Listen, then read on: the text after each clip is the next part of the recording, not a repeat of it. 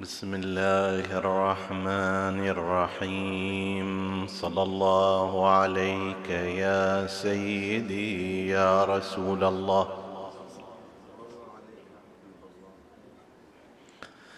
صلى الله عليك وعلى ابن عمك أمير المؤمنين وإمام المتقين. صلى الله عليك وعلى أهل بيتك الطاهرين. صلى الله عليك يا سيدي يا أبا عبد الله الحسين. ما خاب من تمسك بكم وأمن من لجأ إليكم. يا ليتنا كنا معكم فنفوز فوزا عظيما. لاخبت مرهفات آل علي. فهي النار والأعادي وقود. ملأوا بالعدا جهنم حتى قنعت ما تقول هل لي مزيد؟ ومذ الله جل نادى هلموا وهم المسرعون مهما نودوا. نزلوا عن خيولهم للمنايا وقصارى ذاك النزول صعود فقضى والشفاه منهم تلظى بضرام وما أبيح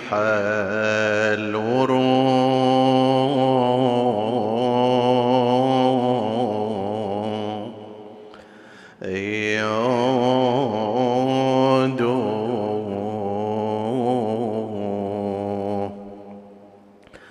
تركوهم على الصعيد ثلاثا.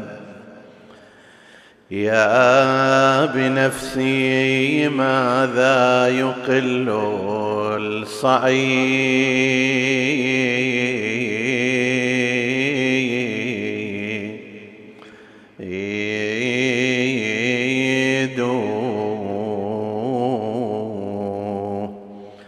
فوقه لو دراها ياكل قدس. هو للحشر فيهم محسود وعلى العيس من بنات علي. وعلى العيس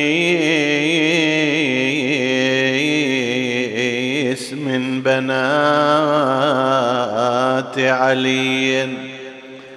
نوح كل لفظها يا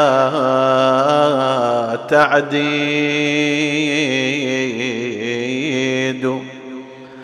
سلبتها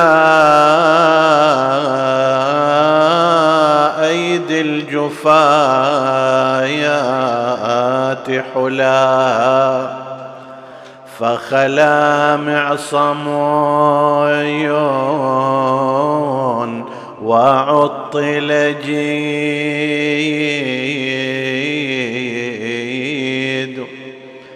وعليها السياط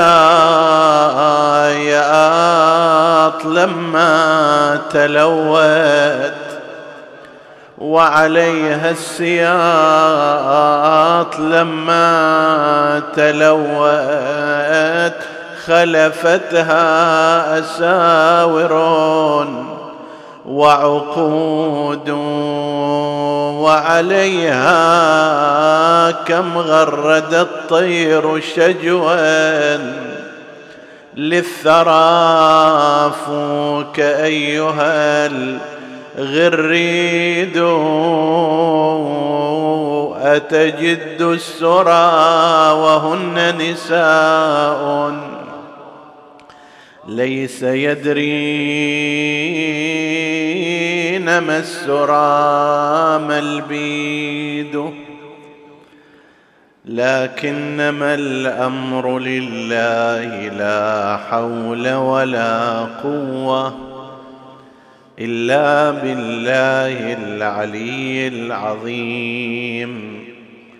إنا لله وإنا إليه راجعون. وسيعلم الذين ظلموا أي منقلب ينقلبون. والعاقبة للمتقين. عطروا مجالسكم بذكر محمد وآل محمد.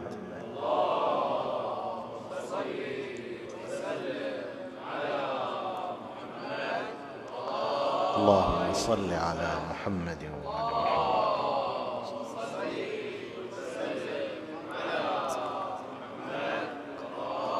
اللهم صل على محمد.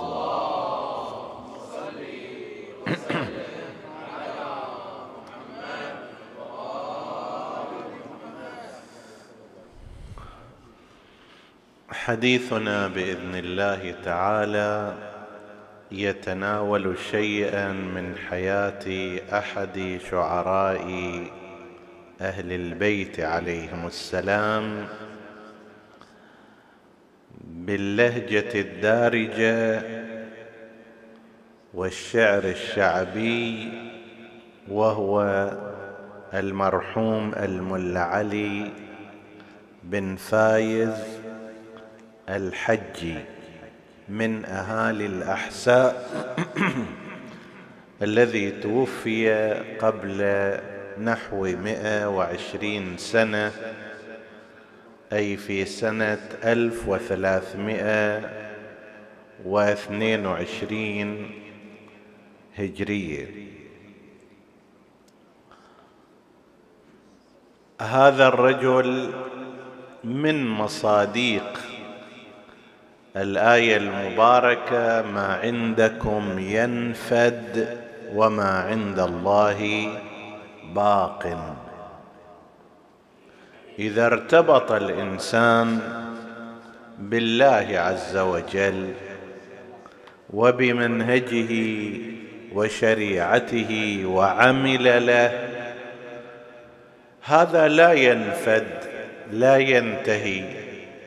لا ينتهي ذكرا لا ينتهي اجرا لا ينتهي عملا صالحا لا ينتهي ثوابا وجزاء. بينما إذا عمل لنفسه مثلا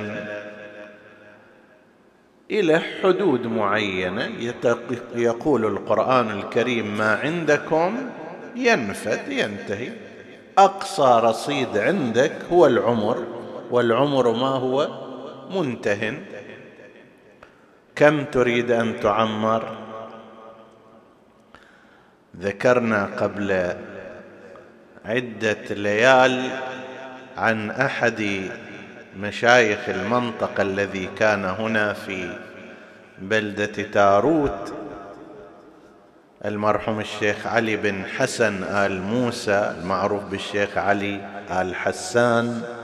مسجده لا يزال قائما.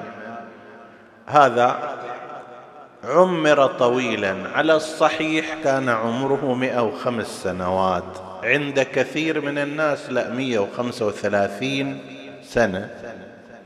هذا العمر حتى لو بلغ 135 سنة آخر الأمر ينتهي لكن مسجده يبقى ألف سنة. عمله الصالح كذلك إخلاصه لله كذلك. لا يؤثر فيه الزمان. ليش؟ لأن هذه الأمور المرتبطة بالله عز وجل تكتسب قوتها من الله عمرها من الله بقاءها من الله والله لا يمر عليه زمان هذا العالم مثال وما نحن فيه من ذكر هذا الشاعر الحسيني الملا علي بن فايز رحمه الله. هو أيضا من هذه النماذج. بداية ما يذكرون في سيرته نحن نعرض إليها وهي أيضا مما يشير إلى الآية المباركة وتنطبق عليه.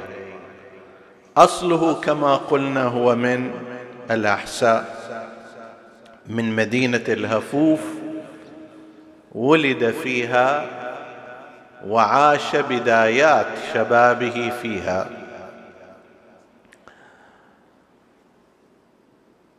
كان له كما ينقل صوت عذب وجميل. وفي ذاك الوقت الصوت الجميل والمرتفع النبرة ثروة حسب ما يقولون. ذاك الوقت بعد ما فيها المكبرات والمضخمات وما شابه ذلك. فاللي عنده حنجرة قوية وصوت جميل. هذا يمتلك استثمار بس شوف وين يخلي هالاستثمار. طبعا أكو قسم من الناس إلى الآن عنده صوت جميل استثمار ولكن يروح إلى برنامج غنائي مثلا أو موسيقي حتى يرشح نفسه لكي يكون مغنيا مطربا. هذا عنده استثمار ولكن أخطأ في استثماره عنده رصيد ولكن أخطأ الموضع الذي يضعه فيه. ومو فقط الصوت كثير من الأشياء قوتك العضلية رصيد قوتك الفكرية رصيد شهادتك العلمية رصيد قوتك الاجتماعية رصيد. كل هذه أرصدة. ولكن انظر وين تخليها. ذاك صاحب الصوت يخليها في الحسين في الدعوة إلى الخير أو يخليها في الموسيقى وفي الحفلات الغنائية وما شابه ذلك. هذا صاحب العضلات يخليها في سبيل الخير والصلاح أو يخليها في الاعتداء على الآخرين والاستعراض عليهم بقوته. هذا الرجل الملا علي في بداية أمره ما كان كان شابا عاديا. ما راح أصلا وراء طلب العلم وكذا. بعض من ذكرناهم قيل أنه مثلا من بداية عمره راح الحوزة العلمية ودرس على فلان هذا لم يكن هكذا. وإنما قيل إنه اكتشفته الحامية التركية في الأحساء. كانت البلاد هنا قبل الحكم السعودي الحالي كانت تحت حكومة العثمانيين. الاتراك كانت الدولة التركية باسم الخلافة يخضع لها أكثر بلاد المسلمين وكانت بلادنا أيضا من ذلك.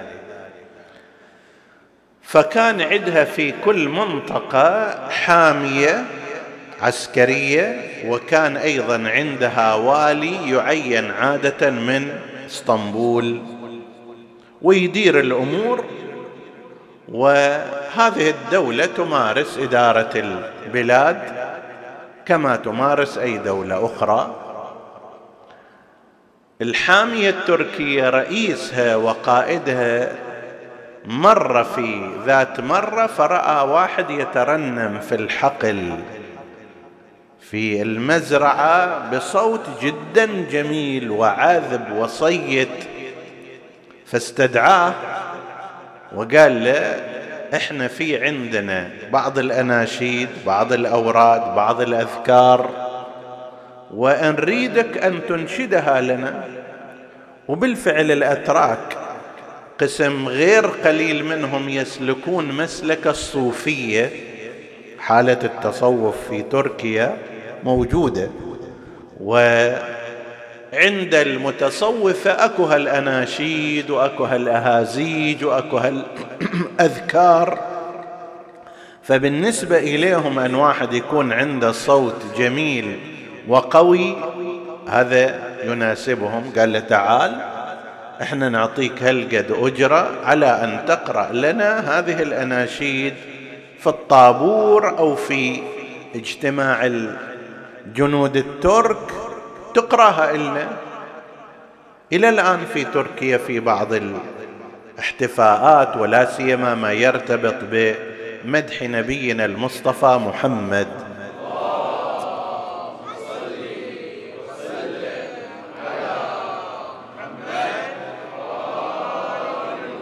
وفي بعض الطرق غير ذلك ينشدون أشعار ابن الرومي أو غيره. فالمهم بدأ يشتغل عندهم حسب التعبير في هذا.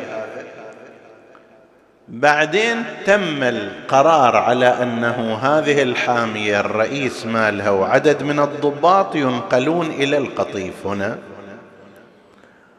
و باعتبار سينتقلون عرضوا عليه أن يجي وياهم. إلى القطيف قال لهم أنا عندي أختي وليس لها عائل وكذا وما أقدر أتركها. فأعطوه راتبا جيدا ونفقة لها أيضا تكفيها وتكفي أمثالها وأنه أنت تقدر تروح وتجي بين فترة وأخرى. شاهد. فقبل أن ينتقل معهم إلى هذه المنطقة إلى القطيف. في القطيف استمر على عمله وهو لا يزال شاب حدث السن. في هالأثناء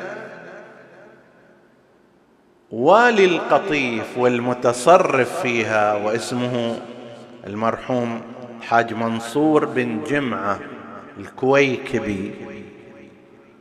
هاي حسينية بن جمعة اللي تسمعون عنها واللي كانت من القديم موجودة.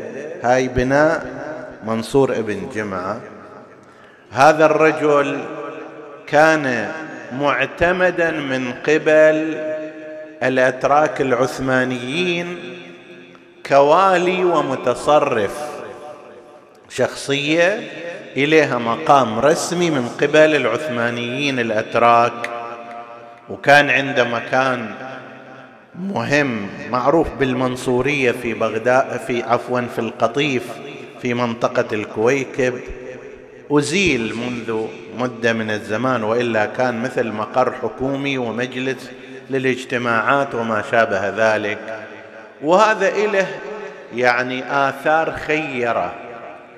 عدد من الحسينيات عدد من المسا من المساجد بل حوزة علمية أسسها في زمان وجوده. أي حسينية بن جمعة كما قلنا في الديرة أسسها في القطيف في منطقة الكويكب. أيضا حسينية بن جمعة موجودة هناك.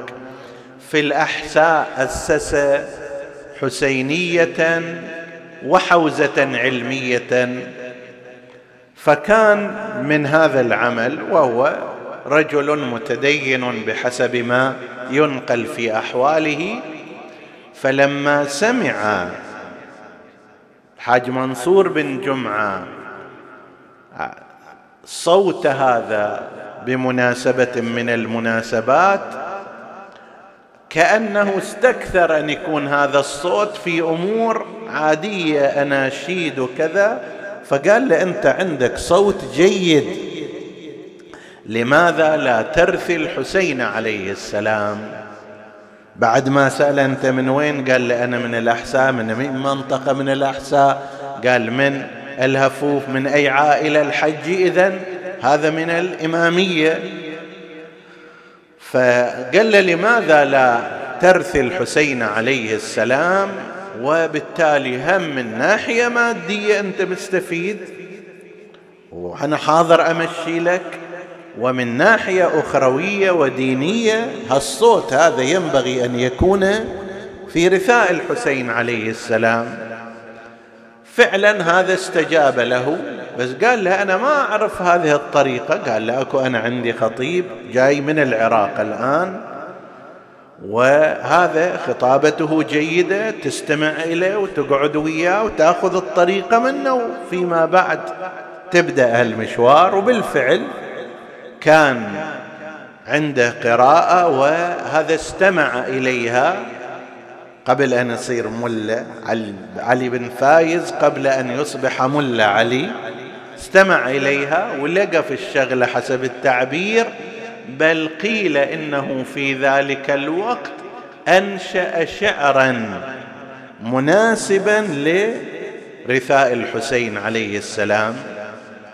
بعد فترة من الزمان طبعا هذه الحامية التركية انسحبت على أثر مجيء مرسول من الرياض لأخذ القطيف باتفاق مع كبارها وأهلها لا أقل قسم كبير منهم فانسحبت الحامية التركية وتغيرت الأمور وهو هذا أيضا منصور بن جمعة رحمه الله تغيرت الأحوال عليه باعتبار كان من قبل الأتراك الآن أتراك ما موجودين. فانتهى أمره في قصة مفصلة.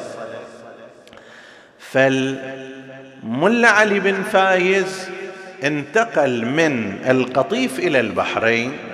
البحرين ذاك الوقت وإلى الآن لا يعني البحرين على صغر مساحتها إلا أنها تضج بالحركة الثقافية والعلمية والحسينية والخطباء. وأنتم رأيتم أن يعني مثل ملا علي راح يروح ويستقر فيها هناك ويبرز نجمه كخطيب مشهور وكشاعر من شعراء الحسين يعتبر مؤسسا في بابه لعدد من الأمور سنتعرض إليها.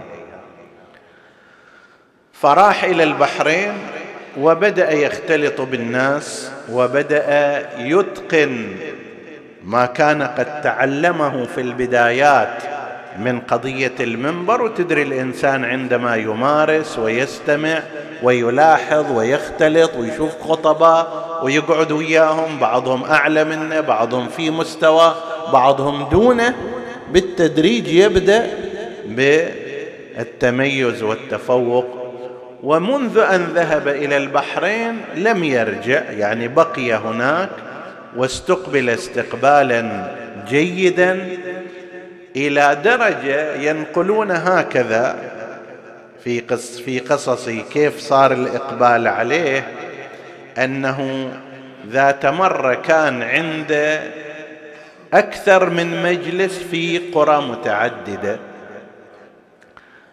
وذاك الوقت عندما ذهب ما كانت سيارات موجودة وإنما كان على الدواب ينتقلون فخلص من المجلس الأول في قرية من القرى وركب دابته وجاء إلى القرية الثانية. طبعا تأخر الوقت افترض مثلا عشرين كيلو متر أقل أكثر والناس لا سيما في تلك الفترات كانوا يأوون مبكرا إلى الفراش وإلى النوم.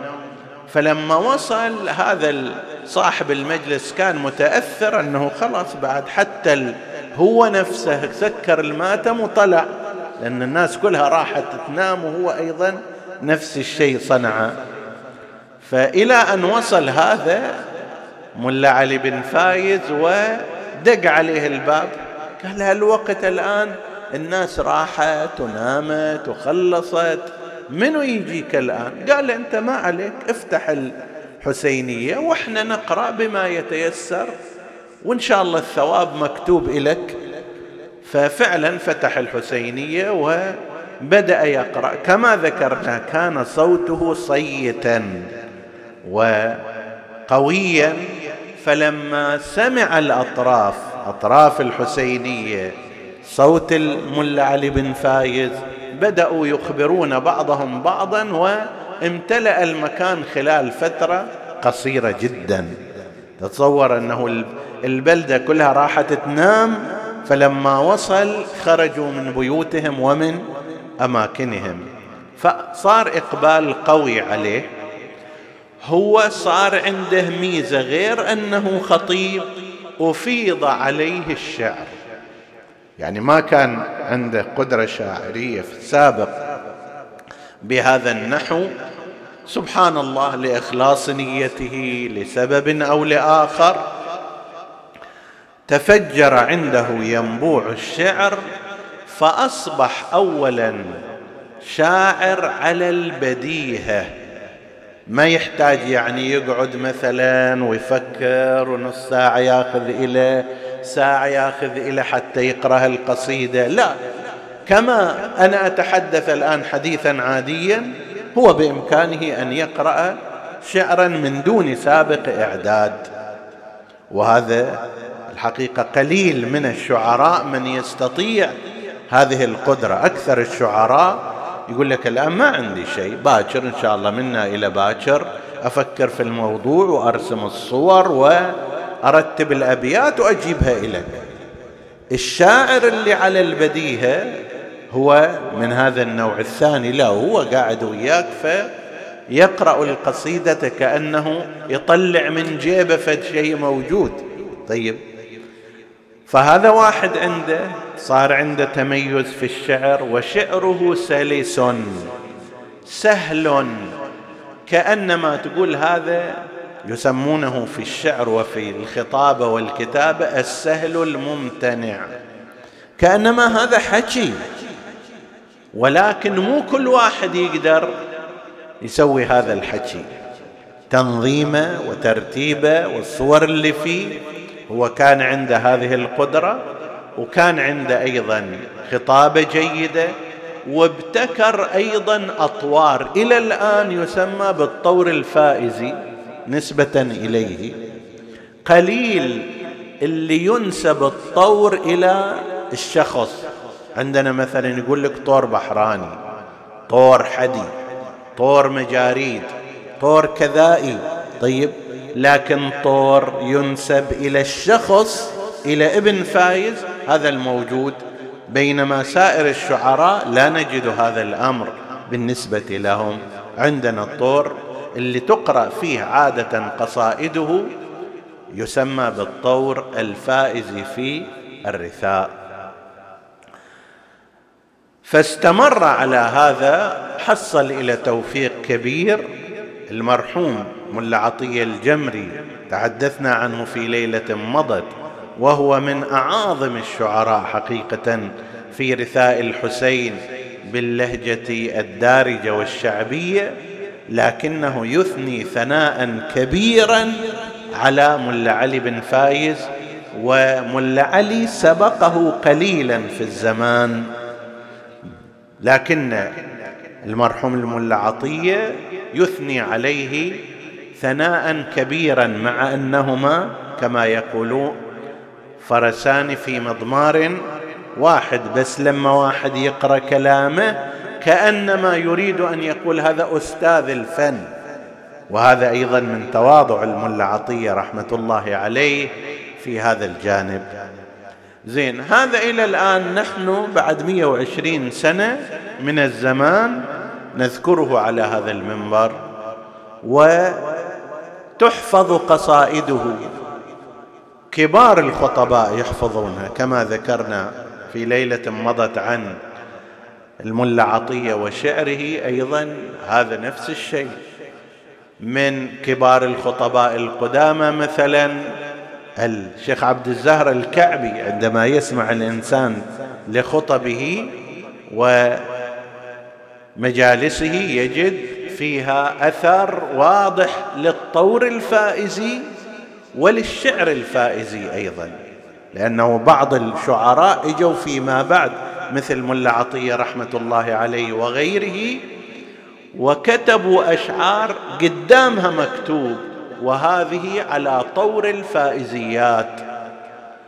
الألفاظ مالت هذا الشاعر ولكن الطور مال طور ابن فايز. طيب. فأنت تجد مثلا هؤلاء الخطباء شيخ عبد الزهر الكعبي شيخ هادي الكربلائي شيخ مرتضى الشاهرودي حفظه الله من الخطباء المميزين المميزين الشيخ الوائلي رحمة الله عليه والشيخ الوائلي ينتقي انتقاء جيد في رثائه رحمة الله عليه. مع ذلك تراه أيضا في قسم من مجالسه يستفيد من هذه القصائد التي أنشأها الملا علي بن فايز رحمة الله عليه. زين. وهذا يبقى يعني هذا الكلام بعد 120 سنة على وفاته.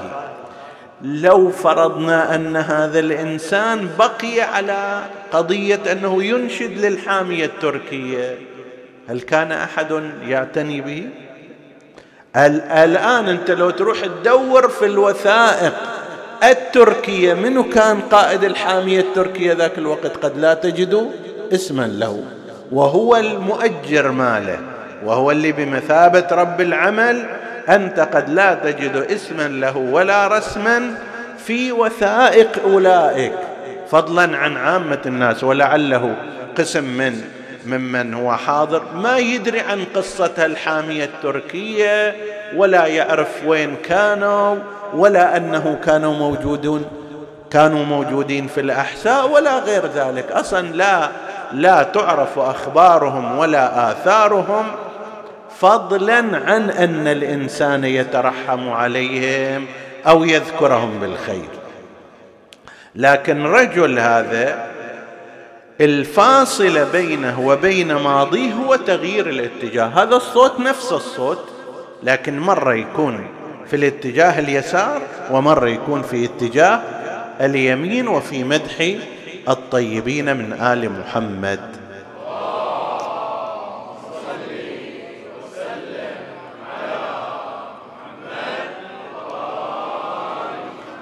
هذا كما قلنا يشير لنا إلى أن ما عندكم ينفد وما عند الله باق لا تقول أنا ما عندي شعر ما عندي قدرة شعرية ما عندي صوت.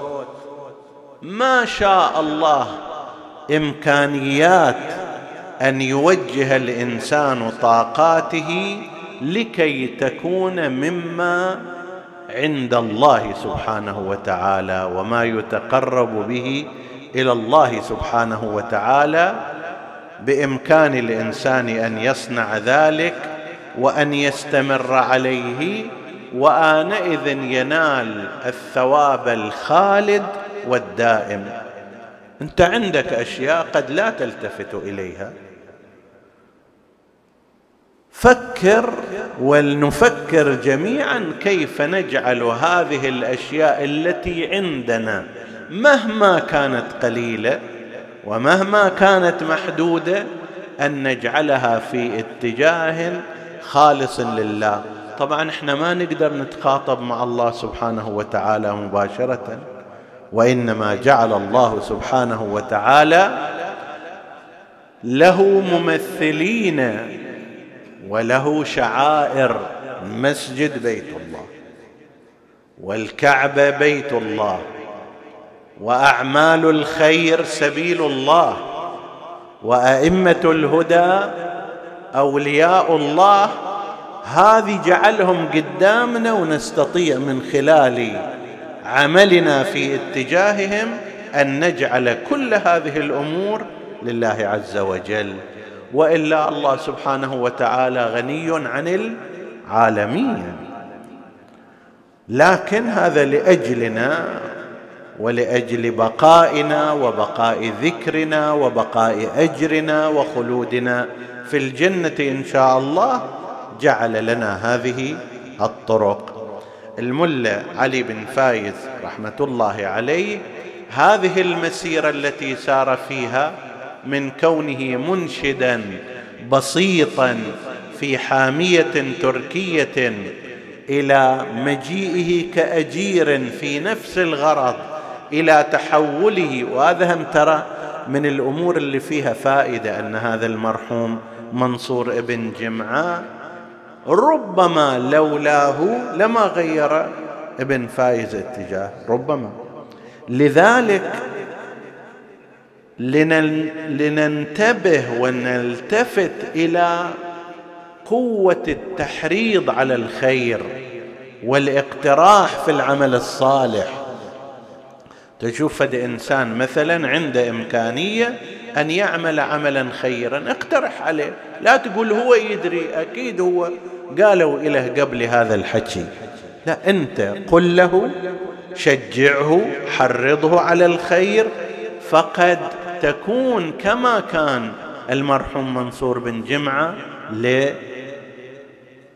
للملا علي بن فايز قلت ربما نحن لا نعلم كيف كانت تسير الأمور ولكن ربما لو لم يحرض هذا الرجل ملا علي بأن يغير اتجاه صوته إلى أن يكون خادما لأهل البيت عليهم السلام وأن يكون في رثاء أهل البيت ربما بقي منشدا من المنشدين وانطوى ذكره وانطفأ أمره بمجرد انتهاء التعاقد معه لكن ارتبط بأهل البيت عليهم السلام من خلال هذا فأفاض الله عليه شعرا وأفاض عليه ذكرا وأفاض عليه اجرا.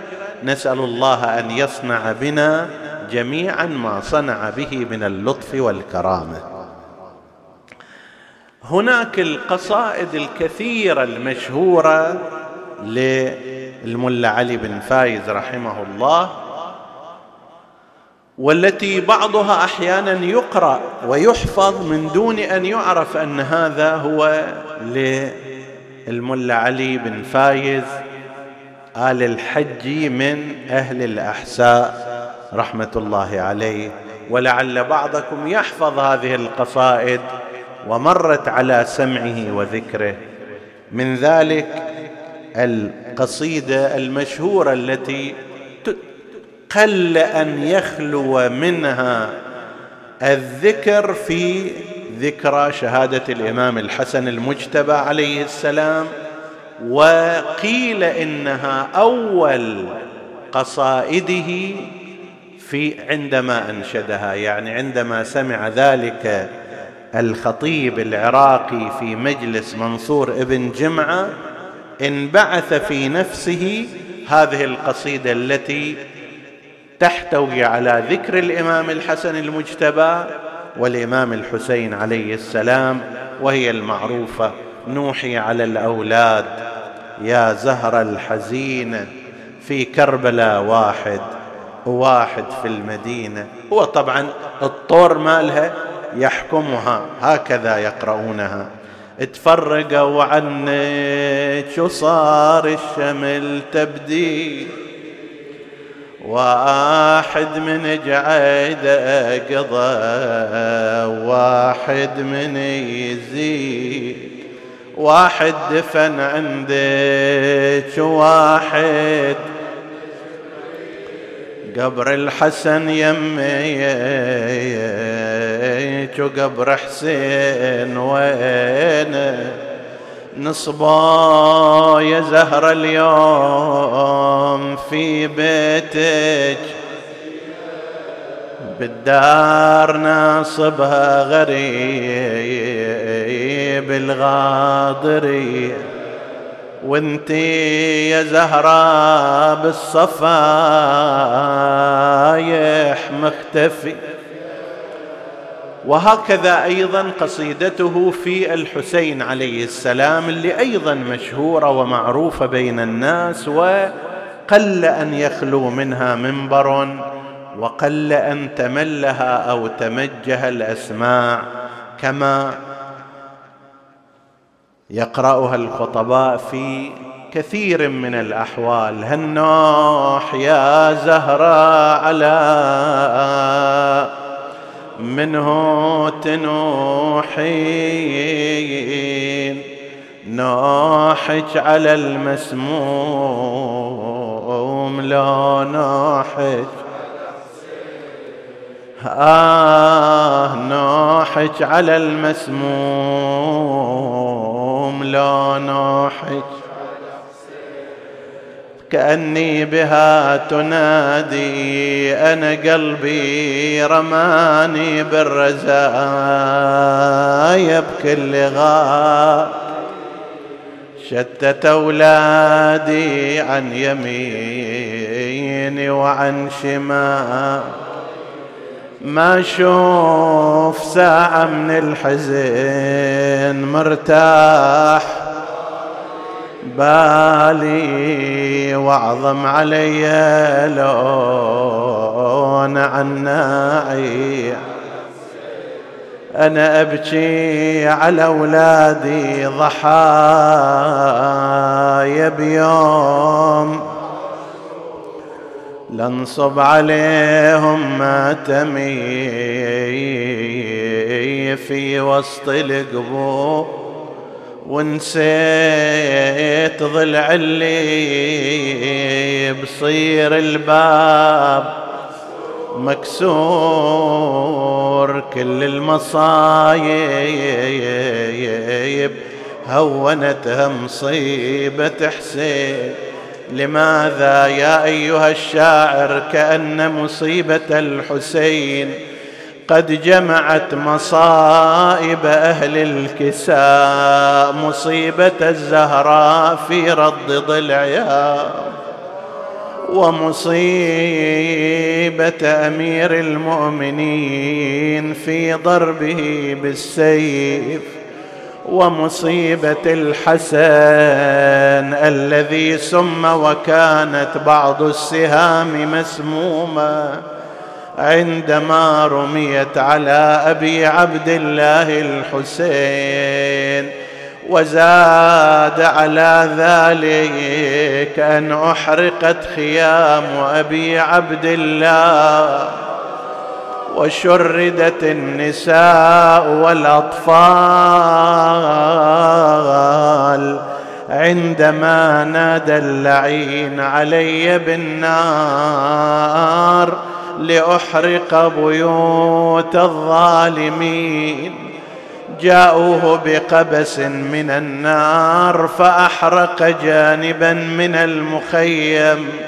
فاضطرمت الأخبية وفرت بنات رسول الله من خيمة إلى خيمة ومن خباء إلى خباء. والنار تحرق ذلك المخيم حتى خرجت بعض الأطفال هائمات على وجوههن.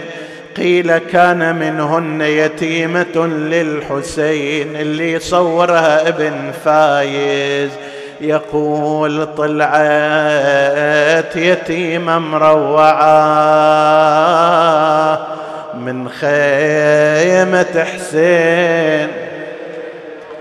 كل من تلاقت ناشدة يا درب الغريوه شافت لعين وقال ردي يا حزين. درب الغري وينك وين توصلين؟ ودرب الغريب بينك هالبر الأقفر كيف بالله تقطعينه ردي الخيمة يا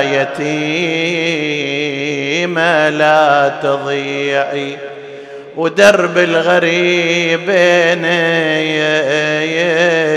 وبين شد الرحال وانت يتيمة وما إليك معروف رجال. قالت تردوني وسمعوا ربي إيش قال؟ في محكم القرآن في عمه وياسين قال أرباب الخبر عندها عثرت ووقعت إلى الأرض. قالت له أنت لنا أم علينا؟ قال لا لكم ولا عليكم. قالت له هل تعرف طريق الغري؟ ماذا تصنعين به؟ قالت أخبرتنا عمتي زينب أن قبر جدي علي بن أبي طالب. هذا حلال المشاكل الذي ينخى في المصاعب أن أن قبر جدنا علي هناك أنا أذهب إليه وألوذ به. قال لها طريق الغريب بعيد وأنت وحيد. إلى أين ترجع؟ رجعت إلى جنازة أبيها على الرمضاء ألقت بنفسها عليه. برضاياك لو رغما علي كان يجرني العدو من بين يديه أصراخ